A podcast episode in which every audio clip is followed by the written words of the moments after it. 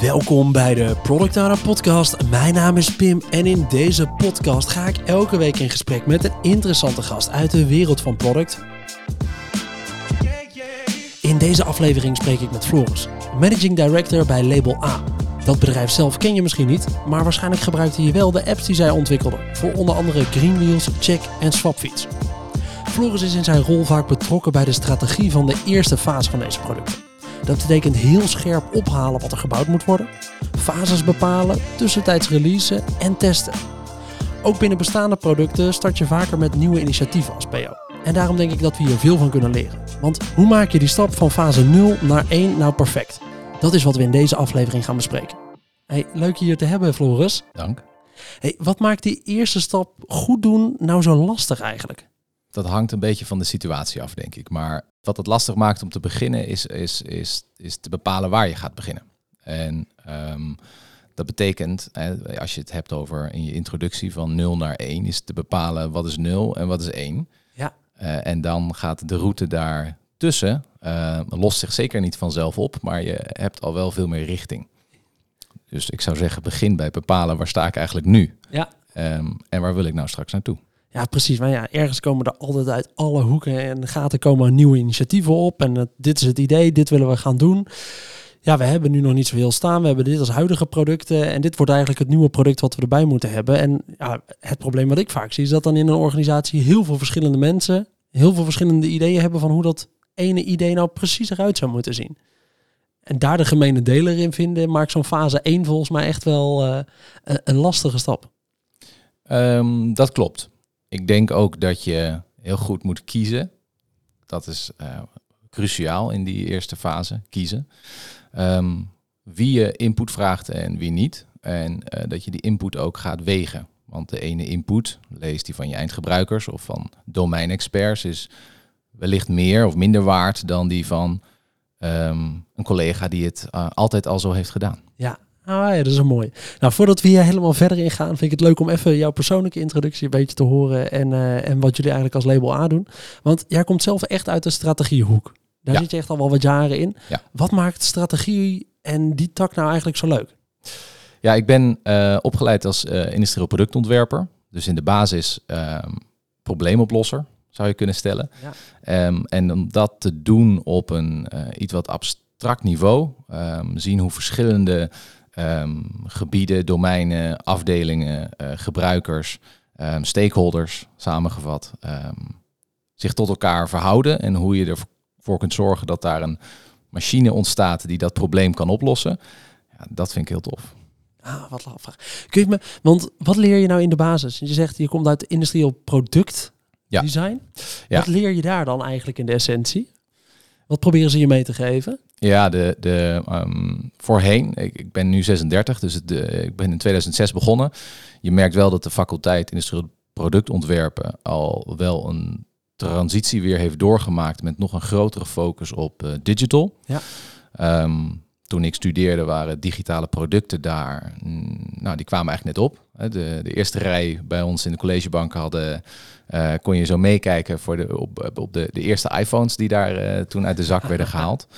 Dus dat, toen stond het allemaal nog wel in de kinderschoen. Inmiddels is de faculteit een stuk verder. Maar je begon daar echt um, in de breedste zin. Um, het ontwerpen van een product, de faseringen die erbij komen kijken. En uh, dat ging in, van origine vanuit uh, de gedachte dat je fysieke producten ging ontwikkelen. Ja. Dus uh, allerlei vakken omtrent sterkteleer. En, nou, ja. Dus dat was in de basis. Uiteindelijk zijn er verschillende masters. En mijn master die ging over strategic product design. Ja. Um, en dat is een master die zich focust op het speelveld tussen uh, marketing, merk en eindgebruiker. En, en, en de businessmodellen die dat samenbrengen. Dus het is Oh. Is er nou een groot verschil tussen het ontwerpen van een visie? Ik heb heel veel, ik heb eigenlijk alleen maar digitale producten Mhm. mm -hmm. gedaan tot nu toe. Is er een groot verschil tussen digitale en fysieke producten? Hoe dat er een beetje uitziet? Um, hangt er vanaf op welk niveau je kijkt. Um, in de basis, uh, je begint van uh, niets en je gaat naar iets. Dus dat is heel erg vergelijkbaar. Ja. Bij een fysiek product uh, is de lead time een stuk langer. Je moet je voorstellen dat als je een fysiek product wil maken, uh, een koffiezetapparaat, een telefoon zoals we die hier zien, ehm, voordat je een uh, spuitgietmal hebt gemaakt uh, en de kosten daarvoor bij elkaar hebt en um, voordat je dat dan in productie hebt weten te brengen, dat is een veel grotere lead time dan een sprint van twee weken. Juist. Oh ja, dus wel ja, nou, logisch. Dus de iteraties ja. zijn iteraties kostbaarder en vaak ook veel langer. Oh, mooi. Hey, wat is een project waar jij met Label A de afgelopen jaren aan hebt gewerkt waarvan je zegt, daar ben ik echt wel trots op? Dat was een mooie. Ja, welke niet, uh, moet ik natuurlijk zeggen. Uh, maar dat meen ik ook wel. Uh, nee, verschillende producten eh, zijn dat. Um, waarom ik dat vanuit mijn positie interessant vind, is omdat we een aantal projecten, of het nou voor NN was, waar we Nationale, Nationale Nederland, Nederland ja. inderdaad, waar we hun um, innovatietak hebben mogen ondersteunen in nieuwe proposities. Dus een strategischere um, uh, partner zijn we daar geweest waarin we focusten op, op rapid prototyping. Ja. Of voor uh, Check, die je bij de introductie noemde, waarbij we eigenlijk zijn begonnen met niets en het hele ecosysteem hebben mogen opstellen, de eerste versie. En dan zijn we wat meer een uh, implementatiepartner. Felix was daar, dus we hoefden niet echt te, te prototypen in die zin. Ja. Maar we moesten wel ervoor zorgen dat we iets neerzetten wat uh, Felix in één klap uit het water zou blazen. Ja. Um, dus dat zijn beide wel hele toffe, dat toffe relaties met klanten. Mooi. Want Label A is eigenlijk een digital agency. Als ik hem even vanaf mijn uh, kant bekijk, waarin jullie helpen met het bouwen van dit soort apps en dat soort producten. Ja. Check. En wat is jullie focusgebied? Is dat dus het opleveren van dit soort dingen? Um, ja, kijk, ik wilde. Het is wel goed om even te benadrukken daarin. Dat is, uh, we staan, bestaan inmiddels zo'n 16,5 jaar. Dat is wel hoe we zijn begonnen. Ja. Hè, we, we, begonnen met het bouwen gewoon van apps. En dat was de vraag die we ook veel kregen. Ik moet een app. Concurrent heeft een app. Ik moet een app. Ja, precies. App is het antwoord op alles. Ja, en bijna, bijna geen enkel bedrijf had een app-developer zelf in dienst. Dus je moest ook wel naar een agency toe om zoiets te bouwen. Juist, juist. En waar wij uh, uh, over de jaren zijn gegroeid, merken we nu dat we um, daar heel veel in hebben opgebouwd, heel veel een goed track record in hebben. Maar dat klanten ook steeds um, meer moeite hebben met het stellen van de juiste vraag. Een app, want en any app is fine. Uh, dat, dat is er niet meer. Je bent daadwerkelijk veel meer een onderdeel van de strategische doelstellingen van een klant. En wat ik heel interessant vind in onze positie, want daar hadden we het voor de podcast even over, en de rol als agency ten opzichte van je klant. Um, wij hebben uh, verschillende teams uh, bij ons um, in het pand.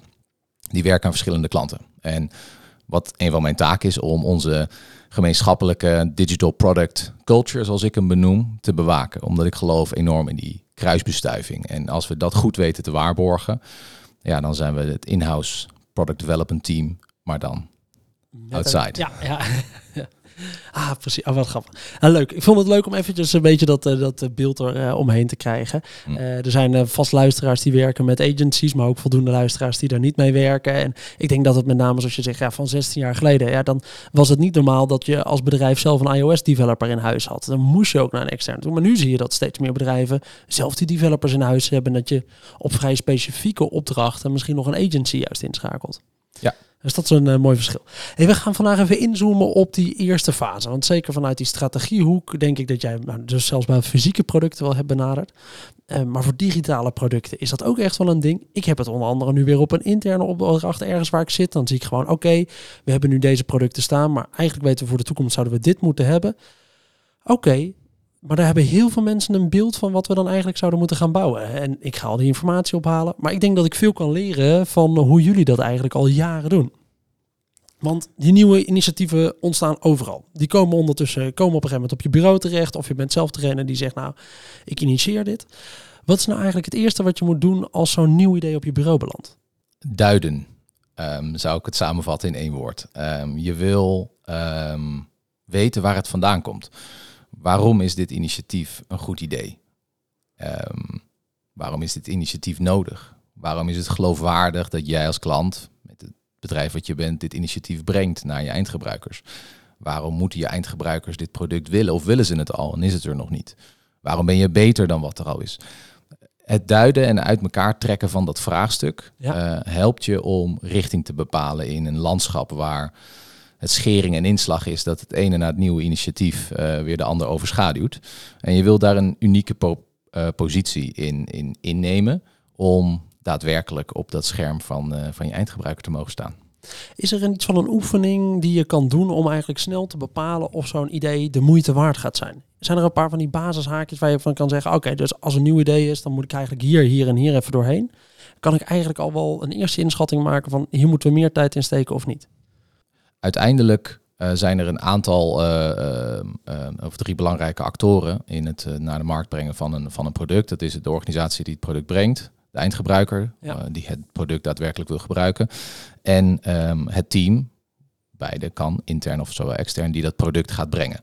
En ik denk dat de eerste oefening zou zijn, gaan alle drie tussen aanhalingstekens aan van, van dit initiatief. Is dit heel tof om te ontwikkelen? Ja daar zit iets magisch uh, als, dat, als dat is, die energie, als die daar is. Uh, zitten eindgebruikers hier ook echt op te wachten en, en is dat te staven? Um, en is het logisch dat je dit als organisatie brengt? Want um, ik, ik hoef jou niet uit te leggen, het is heel kostbaar om een digitaal product te ontwikkelen. Um, want van 0 naar 1 is te gek, maar daarna begint het pas. Weet je wel, dan gaat de bal, de bal rollen. Ja. Um, en afhankelijk van uh, wat je leert en wat je gaandeweg tegenkomt, voortschrijdend inzicht, zul je willen uitbouwen, zul je willen versnellen. Um, dus het begint bij de basis. Is, dit, is het logisch dat wij dit gaan doen?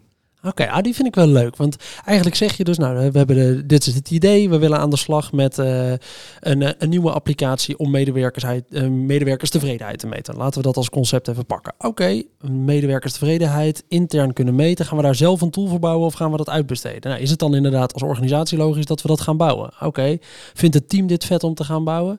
En wie is dan eigenlijk de gebruiker die hier blij mee moet gaan zijn?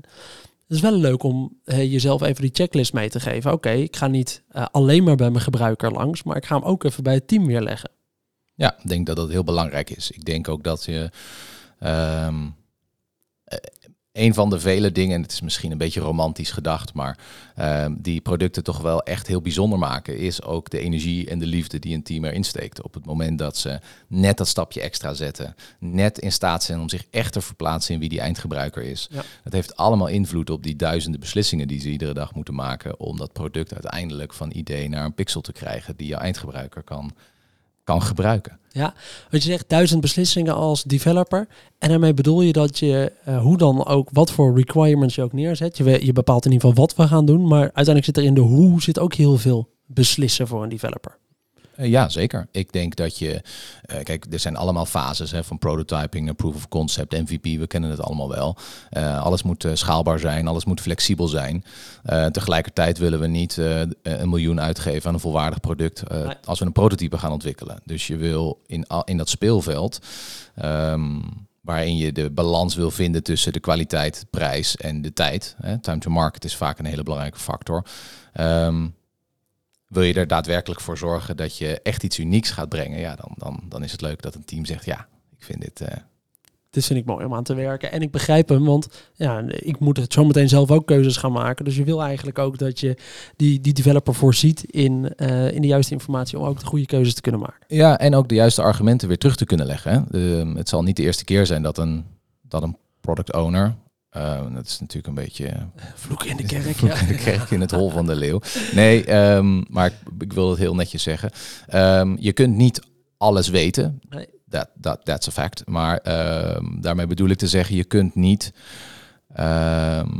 beslissingen die gemaakt worden in sprint 2 uh, verwachten dat die in sprint 20 nog steeds per definitie de juiste zijn. Ja. Uh, dat kan alleen als iemand uh, die vergroten de kans, zo moet je het zien.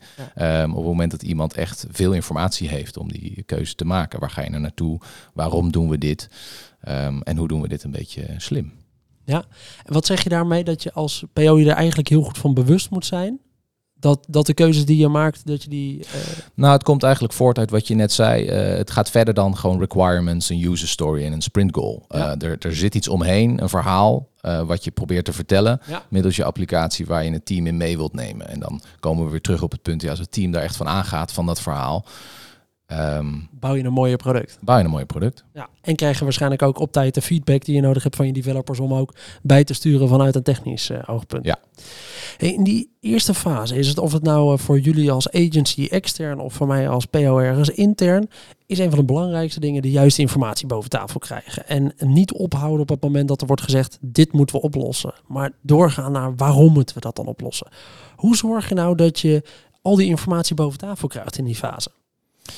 Ja, alle informatie boven tafel is uh, een illusie. Dat lukt je niet. ja. Ehm, maar ik denk wel dat je een heel eind kunt komen door jezelf de vraag te stellen waar, eh, zo- zoals we begonnen weer, zo waar ben ik nu en waar wil ik naartoe? Ja. Ehm, en wat heb ik ervoor nodig om daar te gaan komen?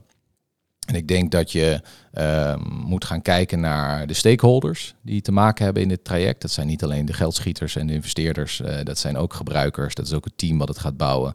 Dat zijn misschien verschillende eh, andere actoren ehm, eh, die, die, die moeten meebewegen. Ja. Ehm, je wil zoveel mogelijk en zo goed mogelijk zowel de behoefte in kaart brengen als de context waarbinnen het product moet gaan leven. En als jij, eh, jij nou voor zo'n nieuwe opdracht eigenlijk eh, dat, dat voor elkaar probeert te krijgen. Dus eh, voor jou al helemaal een externe organisatie is, dus je moet er al helemaal iedereen bij elkaar krijgen. Ga je dan proberen iedereen in een hok te zetten? Of probeer je juist alle mensen los, te, los van elkaar goed te spreken en daarvanuit een lijst op te maken? Ik zou altijd op zoek gaan naar een combinatie van. Ehm, je moet je er heel goed van bewust zijn wat de kracht is van een workshop waarin je iedereen om tafel krijgt. De kracht zit hem vooral in het inspirationele deel. Je kunt elkaar inspireren, motiveren, je kunt elkaar eh bediscussiëren, je kunt iemand uit de tent lokken. Je krijgt heel veel interessante informatie, maar niet iedereen durft daar het achterste van zijn tong te laten zien. En ik denk als je een combinatie zoekt, hè, wat wij eh, voor een grote leasepartij hebben gedaan, is de combinatie zoeken tussen eh, interne medewerkers, eh lease-rijders, dus gebruikers, maar ook domeinexperts. En dan misschien op het vlak van mobiliteit.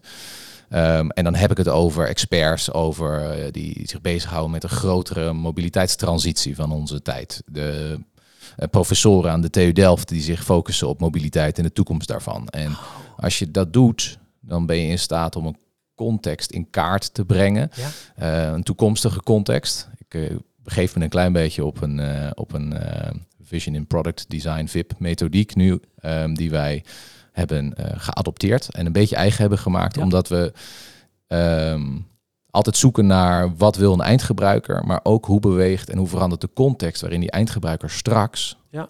eindgebruiker is. En daar kan de eindgebruiker zelf niet altijd iets over zeggen. Hè. Over drie jaar zou ik heel graag dit willen. Ja, waarom? Nou ja, omdat de wereld er dan misschien zo uitziet. Of dat is eigenlijk wat je wil gaan inkleuren met, eh, met experts. Oh, mooi, je zei eh, vision in product. Heel even snel tussendoor. Voor mij geen hele bekende term. Kun je daar wat Nee. meer over toelichten? Ja, dat kan ik. Ehm, het is een, eh, een eh, bepaalde methodiek. Ehm, die gaat eigenlijk over de toekomst in kaart brengen. Het is dus niet het voorspellen. Ehm, al lijkt het daar soms een beetje op. Ehm, ja, ik ga het nu ehm, conceptueel uitleggen. Ik ben een conceptuele denker, dus ik ga het plaatje schetsen in mijn hoofd. Maar je moet het een beetje zien als een, eh, als een U. En je begint eigenlijk, waar sta ik nu? Ja. Eh, wie is die eindgebruiker? Dan ga je een stap omhoog in de U, dus het is een omgekeerde U. Dan heb je het over wat is de interactie tussen die eindgebruiker en het product. Ja. En vervolgens welke context begeeft die eindgebruiker en dat product zich. En dan ga je op zoek naar hoe gaat die context zich richting de toekomst veranderen. We hebben van iedereen heeft een eigen auto. Naar eh, iemand wil gewoon mobiliteit hebben, shared mobility. Nou, zo zou een toekomst kunnen veranderen. En dan ga je terug, oké, wat voor interactie past er in die toekomstige context? Nou, deelscooters bijvoorbeeld, mobiliteit die je kunt delen. En dan daal je af naar wat voor product zou dat dan moeten zijn. En zo eh, is eigenlijk in een nutshell die methodiek. ehm, en dan toegepast op een voorbeeld zo, zoals wij hem dan toepassen, ehm, ingestoken. Oh, mooi. Oké, die is leuk. Gaan we even kijken of dat we daar iets van eh, kunnen toevoegen wel in de omschrijving. Als je er iets van een, eh, een echt plaatje bij hebt, dan eh, helpt het misschien de luisteraar bij het een beetje inkleuren van, van dit beeld. Ik vind het leuk. Ik ga hem in ieder geval eventjes opzoeken. Wat je volgens mij vervolgens hebt, dus je hebt in dit geval gezegd, nou, we hebben het team gesproken, we hebben de organisatie gesproken, we hebben de klant gesproken, maar ook mogelijk externe experts om echt even een beter beeld op te halen van waar we naartoe gaan. Is dat nou wat we zeggen waar we naartoe gaan? Of weten we eigenlijk wel een beetje waar we naartoe willen? Dus die hebben we allemaal gesproken. Vervolgens eindig je met een mega lijst of meerdere lijsten met oké, dit zijn onze requirements. Dit zouden wij willen, dat zouden wij willen. Dit zijn eigenlijk ook nog wel wensen. Ja, wat ga je er dan mee doen? Ga je er dan zo'n Moskou op loslaten? Of hoe ga je volgens bepalen, dit is wat we eigenlijk de essentie is waar we naartoe willen gaan? Nou ja, ehm, ik zou vanuit mijn, eh, eh, iedereen heeft daar denk ik een andere kijk op. Ehm, als je zoveel informatie hebt, het is ook heel erg afhankelijk van je achtergrond. En dan kom je weer op een, op een individuele voorkeur, denk ik, hoe je daarmee omgaat en ook wat de uitkomst is. Ehm, maar bij mij komt dan toch wel altijd de, de, de behoefte om het ehm, het systeem wat we met elkaar dan aan het willen optuigen, de Ja. business case als het ware, om die rond te kunnen maken. Want uiteindelijk, ehm, de investering die je toch hierin doet, moet meer opleveren dan dat die kost, indirect of direct. En ehm, ik zou dus ook willen beginnen met hoe kunnen we eh, gaan prioriteren. Ehm, want alles op die, wat op die lijst staat is belangrijk. Ja. Daar hebben we al voor gezorgd. Maar hoe kunnen we gaan prioriteren ehm, eh, op een manier dat we de business case kunnen valideren? Ja. Zit die hier waarde bewijzen. Ja. Ja. Oh, die is wel leuk. Dus je gaat op zoek naar, je zet die lijst. Nou, die is inderdaad, eh, op een of andere manier wil je die beter gaan prioriteren. En jij zegt, kijk of dat je die kan prioriteren op een manier dat je de waarde zo snel mogelijk gaat bewijzen. Vind, ik, vind ik een mooie manier om hem, eh, om hem daarin te benaderen. Ehm, en vervolgens wil je eigenlijk gaan bepalen, oké, nou dan zeggen we nu, we hebben hem gezet op, nou als we dit nou hebben gedaan, dan zouden we eigenlijk de waarde moeten kunnen bepalen. Is dat dan de eerste stap waar je, die je gaat proberen te bouwen of ga je dat ook nog verder opsplitsen? Ik denk dat dat een beetje afhankelijk is van de benodigde investering. Kijk, als je de, de, de- per definitie ehm, eh, zou je altijd zo klein mogelijk, met de nadruk op mogelijk willen beginnen. Eh, dan heb je iets op te leveren. Je hebt iets te laten zien. Je hebt iets waar het team trots op kan zijn. Je hebt iets waar je eindgebruiker mee aan de slag kan. Die kan proberen het helemaal kapot te maken. Ja. Om er vervolgens weer van te leren. Ehm, en ik denk dus eh, het zo snel, het zo klein mogelijk maken en, zo, eh, en daarmee zo snel mogelijk, weer met de nadruk op mogelijk, niet gehaast, ehm, dat in de handen van je eindgebruiker krijgen, dan, dan ontstaat er een, een, een iteratieve loop, een, een vliegwiel waar je van kunt leren, eh, die volgende iteraties beter maken. Je zegt eh, twee keer eventjes specifiek op mogelijk. Ja. Wat gaat daar vaak mis dan? Nou, ik denk dat de nadruk komt te liggen dan op eh, snel. En het wordt mogelijk wordt vergeten. Snel en dus goedkoop. En ik denk dat ehm, je dan het risico loopt om de data die je daar vervolgens uithaalt, eh, dat die niet van echte waarde is. Omdat je het niet ten volste hebt uitgedacht. Omdat je hebt gekozen van, nou, van de vijf hypotheses eh, toets ik er twee. En daarmee zijn die andere drie ook per definitie waar. Eh, dat is wel makkelijk. Ehm, ik denk dat het daar wel eens fout kan gaan. Tegelijkertijd is dat ook de kunst die je, eh, want je zei het in de introductie of, of vlak voordat we elkaar hier in de podcast spraken, had je het over balans. Ja. Want je kunt er ook weer te ver in doorslaan. Je kunt eindeloos itereren en eindeloos stappen maken. Uiteindelijk, ja, en dat is denk ik het, het, eh, het verschil tussen een, eh, een, een- een heel goed team wat, wat klikt met de propositie en een we gaan gewoon het proces afdraaien en, en ja, we zien het wel. Precies, dat is de kunst om ergens te beheersen, die Ja. balans goed vinden. Maar het is een hele terechte volgens mij die je zegt. Hè? Want dat is misschien wel het, moeilijkste in deze fase. Het is, oké, dus we, we willen dit en we willen het echt heel goed snappen. En, er zijn bedrijven die meer dan een half jaar bezig zijn om die use case maar uit te werken. En nog een tikje daarbij. En dan gaan we dit ook nog even onderzoeken voordat er iets wordt gebouwd en er voor het eerst wordt geïtereerd. En ja, dat is heel lastig. Terwijl je aan de andere kant ook bedrijven hebt die zeggen, ja, nou oké, nou, we hebben er twee weken naar gekeken. Het is wel genoeg. We gaan gewoon even de eerste versie bouwen en we gaan het eens even testen. Ja, er zit in beide zit er een vorm van kosten en tijdsinvestering ehm, de- die je ergens moet zoeken. Maar ik vind hem leuk. Ergens wil je op een gegeven moment gewoon naar een eerste versie toe. En die wil je gaan testen met een gebruiker, want dan heb je pas de waarheid. Of vind je dat je ook voorzichtig moet zijn in die fase met aannames doen op wat de gebruiker in eerste instantie zegt? Want dat is ook een lastige. Ja, tegelijkertijd denk ik wel dat je, ehm, wat wij vaak doen, is dat we met een eh, eerste ehm, release, beta release, ehm, een beta groep selecteren van gebruikers. Dat is een, als je het slim doet, een, eh, een dwarsdoorsnede van de beoogde demografie waar je op, waar je op mikt. Ja. En zijn mensen die over het algemeen, hè, daar kijken wij dan wel naar, eh, iets meer eh, affiniteit hebben met het gebruiken van digitale producten. Ja. Omdat ze dan genegen zijn iets sneller bepaalde details op te pikken en ook te flaggen. Ehm, het helpt gewoon als je twintig keer hebt gezien dat eh, het cancel-knopje rechts zit in plaats van links. En hij ziet een keer links. En je oh, dit is onhandig. Ja, terwijl ik zat daar te klikken. Ja. ja. iemand. Eh, merk het aan mezelf ook als ik de checkout doe bij de eh, Albert Heijn, zoals ik dat gisteravond deed. Ja. Dan nog voordat hij zegt een kort bonnetje, hangt mijn vinger al exact boven die knop. Dan- ja, dat is toch wel een soort van muscle memory Ja. die ontstaat. Ah, ergens zit hij daar. Ja, precies. Ja, terwijl je tegenwoordig gewoon je bonuskaart toch scant om eruit te lopen. Of uh, moeten we nog al wat kort... Oh nee, die discussie gingen we niet voeren. Maar dat is wel, dat is wel precies wat je zegt. Zo'n user group kan je enorm helpen. En het is ergens een tijdsinvestering, maar dat is er wel eentje dat zeker volgens mij als je uh, B2C producten bouwt, is dat er iets wat je niet mag overslaan.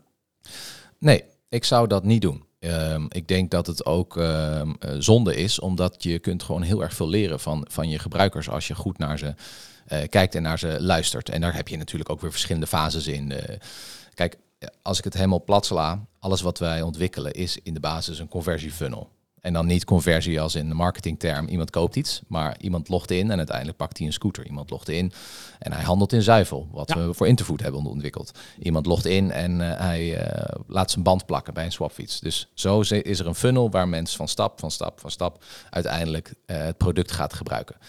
Um, en in die fases kun je heel erg veel leren.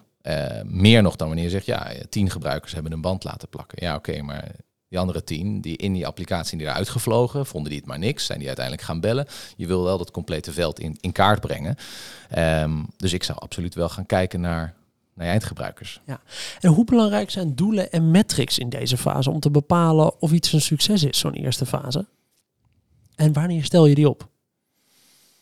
Uiteindelijk uh, zou ik zeggen, die stel je in een heel vroeg stadium op. In het eerste gesprek vraag ik aan een klant, wanneer is dit een succes? Is dat dan meteen kwantificeerbaar? Vaak nog niet.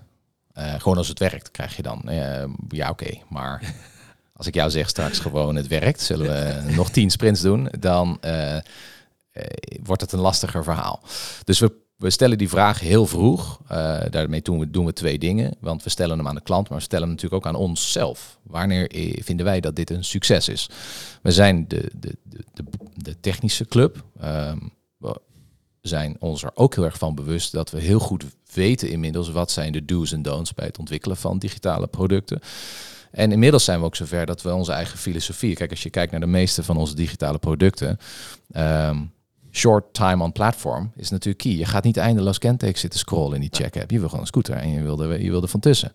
Um, nou, zo hebben wij onze filosofie op wat zou nou succesvol zijn. Gaat het over mensen zo snel mogelijk door het platform hebben? Heeft het te maken met een groeiende userbase? You name it, daar dagen we de klant op uit. En zijn die metrics van waarde uh, en, en zijn die belangrijk om het succes te bepalen? Ja, wel degelijk. Heb je een voorbeeldje waar je eigenlijk een aanname had gedaan dat oh, dit zal het gaan doen? Zo gaan we het een beetje bouwen in zo'n app. En vervolgens stoot je eigenlijk compleet je kop tegen de metrics omdat je denkt, ja, wacht even. Dus mensen gebruiken het helemaal niet zo. We hebben dit vervolgens moeten aanpassen. Heb je daar een voorbeeld bij?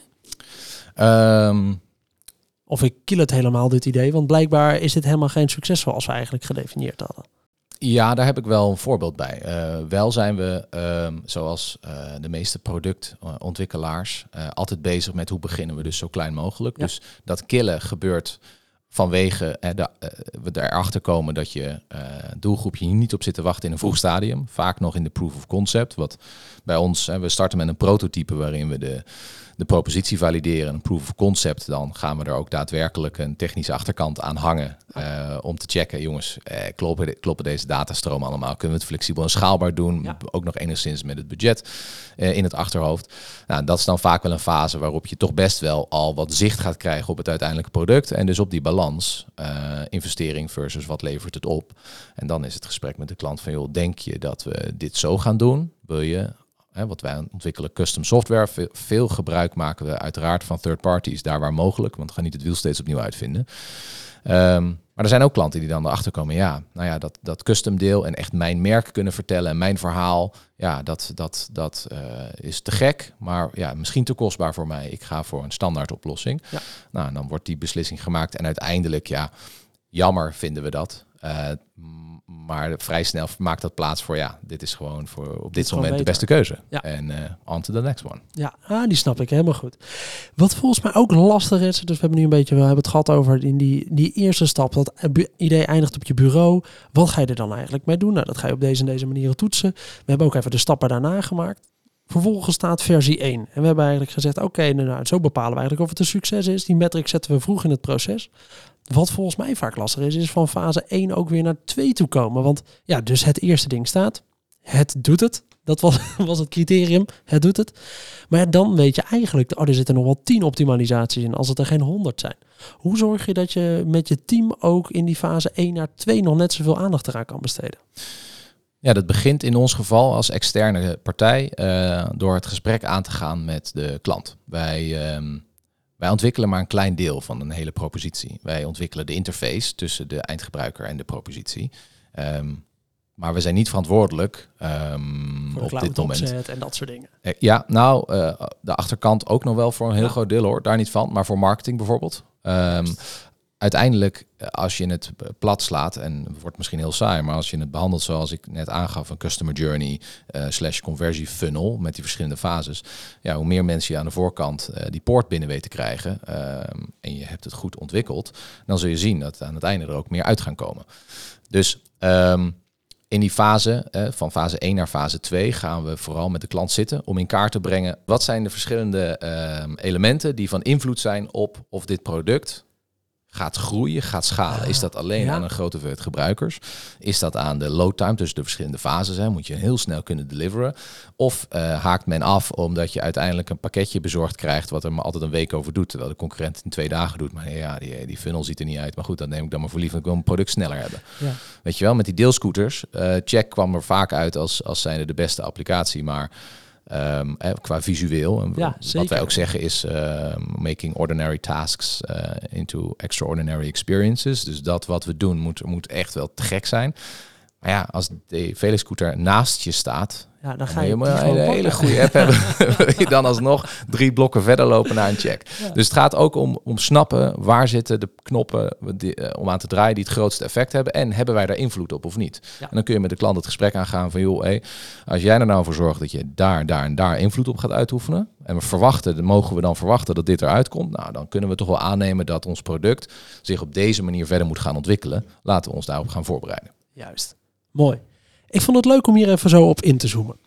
Eén laatste stukje waar ik nog even op wil ingaan. Voor, uh, voor met name wat luisteraars, PO's die werken met agencies. We hebben nu veel ingezoomd op die stappen 0 naar 1. Ik denk dat dat voor iedereen relevant is uh, als uh, PO.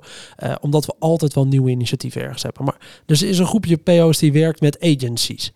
Heb je een tip voor PO's die werken met een agency? Om te zorgen dat het eigenlijk nog beter gaat. Want ja, jij, kan hem, jij ziet hem vanuit de andere ja. hoek. Ja, zorg dat je agency label A is. nee, nee, nee, flauw. Um, wij werken ook uh, regelmatig met, uh, met een product owner. Die, is, die is ingehuurd.